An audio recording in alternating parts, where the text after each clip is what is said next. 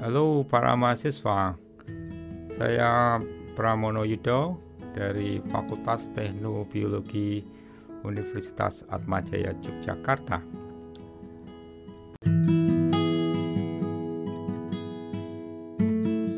Selamat mengikuti seri kuliah saya di podcast Kuliahi Pak Pram.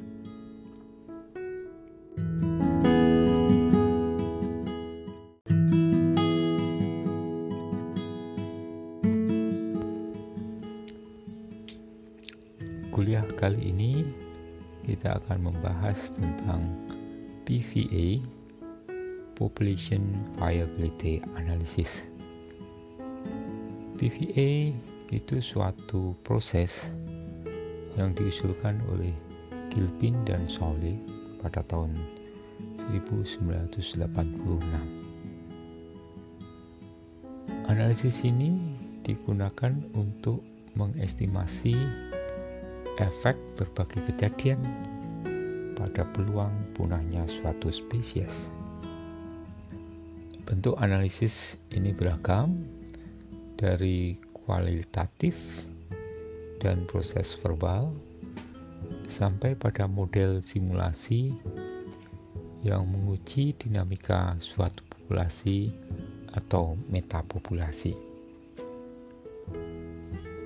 Alat ini bisa digunakan untuk menginvestigasi kepentingan-kepentingan relatif dari faktor-faktor reproduksi atau demografi pada viabilitas populasi dan untuk mendapatkan dan meningkatkan pemahaman akan sebab-sebab kepunahan berdasarkan pada data yang ada dari suatu spesies. Dengan demikian, berarti bahwa PVA dapat digunakan untuk mengidentifikasi dan menguji semua faktor potensial yang menjadi penyebab kemungkinan kepunahan suatu spesies. Nah, sejauh ini PVA merupakan suatu alat uji risiko yang paling umum digunakan.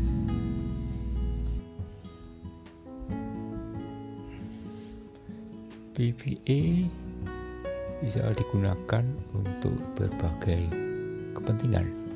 Yang pertama, hasil dari PVA bisa menjadi pemandu pengambilan keputusan di dalam manajemen populasi kecil dan terancam punah, terutama yang terkait dengan perencanaan kerja lapangan, identifikasi tahapan hidup kunci atau proses demografi yang menjadi target pengolahan. Kemudian perencanaan dalam program pelepas liaran, penentuan jumlah populasi yang diperlukan untuk dilindungi, mengukur dampak manusia, dan atau sebagai instrumen untuk mediasi dalam proses diskusi suatu masalah konservasi. Pada dasarnya ada dua tipe PVA yang telah dikembangkan. Yang pertama merupakan paket spesifik spesies dan yang kedua suatu paket umum. Model yang pertama yaitu yang spesifik spesies biasanya lebih mahal, butuh waktu lama untuk membuatnya dan tidak dipakai ulang karena ini spesifik pada spesies tersebut. Baliknya, model umum dapat diaplikasikan untuk semua jenis dan terbuka terbuka untuk diuji, dievaluasi, diperbaiki atau ditingkatkan secara berkala. Saat ini sudah tersedia bermacam program komputer PVA, baik yang komersial maupun yang gratis. Di antara program itu, yang banyak dipakai adalah program komputer yang disebut dengan Vortex, kemudian GAPS, InMap, dan Ramas. dengan tersedianya berbagai program tersebut membuat pelaksanaan PVA lebih terbantu dan menjadi relatif mudah. Sampai saat ini telah beberapa ratus PVA telah dikerjakan untuk beberapa jenis organisme yang terancam punah. Nah, di antara program itu, Vortex merupakan program yang paling luas digunakan, utama oleh oleh kelompok yang menyebut dirinya Conservation Breeding Specialist Group dari IUCN. Selama dua dekade terakhir ini, setidaknya telah diuji lebih dari 700 spesies yang terancam punah. Di Indonesia telah dilaksanakan PVA untuk membantu konservasi dari beberapa jenis atau spesies di Indonesia di antaranya adalah orangutan, komodo, elang Jawa, dan jalak Bali.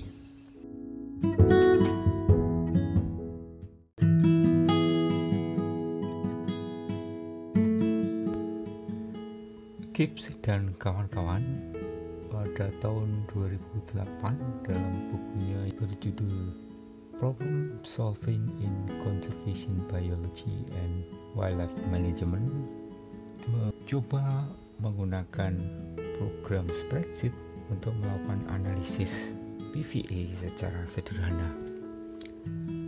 Dalam bukunya tersebut, Gibbs dan kawan-kawan mencoba membuat simulasi pada penguin Galapagos dan ingin mengetahui bagaimana dampak dari El Nino bagi pertumbuhan penguin yang endemik di Kepulauan Galapagos ini. Di simulasi ini sangat sederhana, dia hanya memperhatikan satu parameter saja, yaitu bagaimana dampak frekuensi El Nino bagi pertumbuhan penguin Galapagos. Ya, perbedaan pertumbuhan itulah yang nanti digunakan untuk menduga bagaimana nasib penguin Galapagos dengan adanya perubahan frekuensi kejadian El Nino.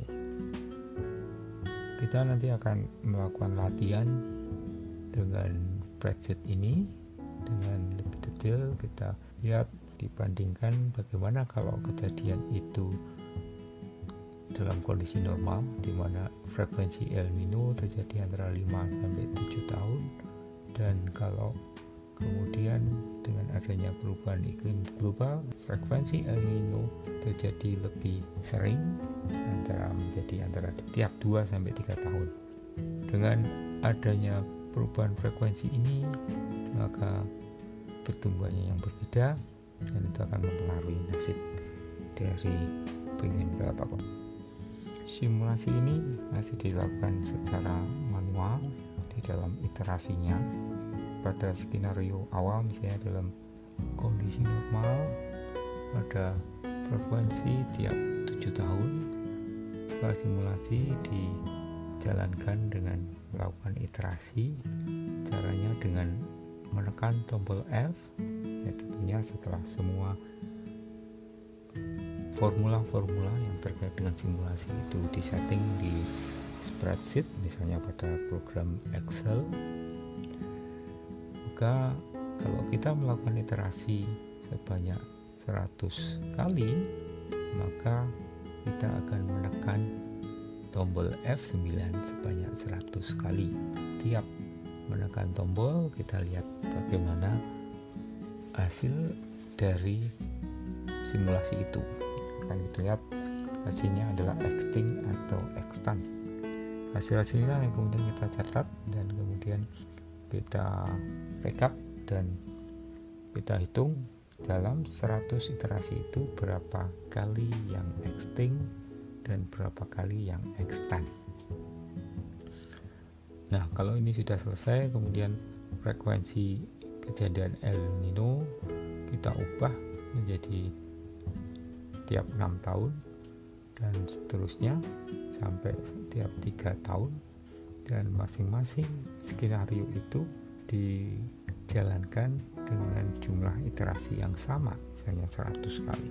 Secara manual kita tiap tiap skenario kita melakukan apa penekanan tombol F9 sebanyak 100 kali. Dan hasilnya kemudian kita catat berapa jumlah yang extinct dan berapa iterasi yang berakhir dengan extant nah dari itu kemudian kita bandingkan perbedaan frekuensi kejadian El Nino dan prosentasi berakhirnya uh, populasi burung ini menjadi punah. Nah, dari sini kita akan tahu bagaimana dampak dari perubahan frekuensi kejadian El Nino bagi nasib burung pinguin Galapagos. Ini salah satu contoh simulasi yang sederhana dengan menggunakan program spreadsheet seperti Excel.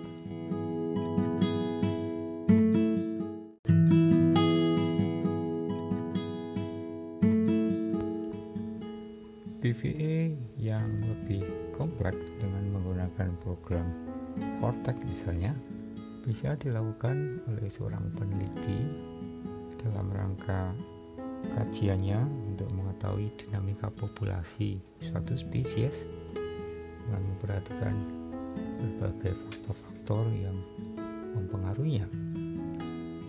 Untuk melakukan PVA ini kita membutuhkan banyak sekali data untuk data demografi misalnya terkait dengan sistem perkembangbiakannya apa? Apakah monogami atau sistem kawin yang lain? Kemudian kapan umur kawin? Bagaimana rasio jenis kelamin atau rasio seks dari spesies tersebut? Berapa jumlah anaknya per tahun? Berapa tingkat mortalitasnya? Bagaimana kemampuan dispersalnya kemudian kita juga harus tahu berapa jumlah populasi awalnya bagaimana daya tampung habitat di mana spesies itu tinggal atau hidup dan beberapa informasi yang terkait dengan demografi lainnya. Nah ini yang sering menjadi kendala dan tidak mudah untuk melakukan analisis PPA suatu spesies. Nah untuk kepentingan penelitian kadang-kadang data-data yang tidak tersedia itu disubstitusi dengan menggunakan data dari spesies lain yang mempunyai kekerabatan dekat. Saya pernah melakukan PVA untuk burung gelatik Jawa. Ada beberapa data yang tidak tersedia untuk gelatik Jawa. Itu saya menggunakan data dari spesies lain yaitu Goldian Fins. PVE bisa juga dilakukan dengan pendekatan workshop. Dalam workshop itu banyak sekali yang terlibat, baik itu para peneliti, kemudian para pengelola kawasan atau pengelola spesies yang akan dikaji, dan juga pihak-pihak dari pengambil keputusan dan juga lembaga-lembaga konservasi lain. Dari proses ini banyak sekali yang didiskusikan karena sering kali informasi-informasi dari suatu spesies yang akan dilakukan analisis itu datanya tersebar sehingga masing-masing pihak yang terlibat itu juga membawa data tentang spesies tersebut dari lembaga atau hasil penelitian atau hasil pengamatan dari lapangan masing-masing mana mereka bekerja. Nah, di sinilah tempat atau suatu media untuk berbagi informasi, berbagi pengalaman. Hingga dari sini bisa diputuskan parameter-parameter mana saja dan data apa saja yang tersedia itu ya, yang harus diperhatikan dalam analisis. Ini satu proses yang sangat baik sekali suatu media untuk komunikasi antar para pihak di dalam pengolahan suatu spesies. Jadi proses PVA bukan hanya menghasilkan satu hasil analisis dinamika populasi dan akhirnya tahu faktor-faktor apa yang punya peran penting di dalam dinamika populasi atau bisa menduga nasib suatu spesies? Nah, dengan demikian maka ini bisa menjadi dasar untuk kegiatan atau program-program selanjutnya baik untuk program penelitian maupun untuk program konservasi. Nah, dalam proses itu akhirnya diketahui data apa yang tidak kita miliki? Atau faktor apa yang paling berpengaruh terhadap pertumbuhan populasi spesies yang dikaji? Apakah itu terkait dengan adanya suatu perburuan atau karena masalah uh, in, intrinsik atau faktor-faktor biologis terkait dengan kemampuan reproduksi atau mungkin kita bisa mengetahui tingkat mortalitas yang itu terjadi pada fase mana nah, jadi aspek-aspek itulah yang menjadi hal yang sangat penting dalam proses PVA sehingga kita akan tahu mana yang perlu diprioritaskan untuk kegiatan ke depan.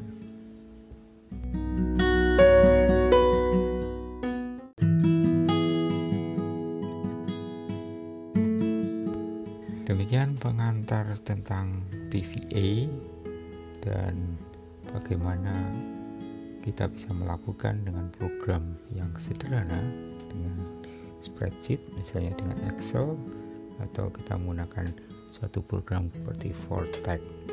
Nah, untuk lebih jelasnya tentunya kita perlu melakukan praktek dan sudah tersedia panduan untuk melakukan latihan melakukan PVI dengan cara sederhana maupun dengan cara yang standar digunakan untuk kepentingan pengelolaan spesies yang menjadi target pengelolaan kita.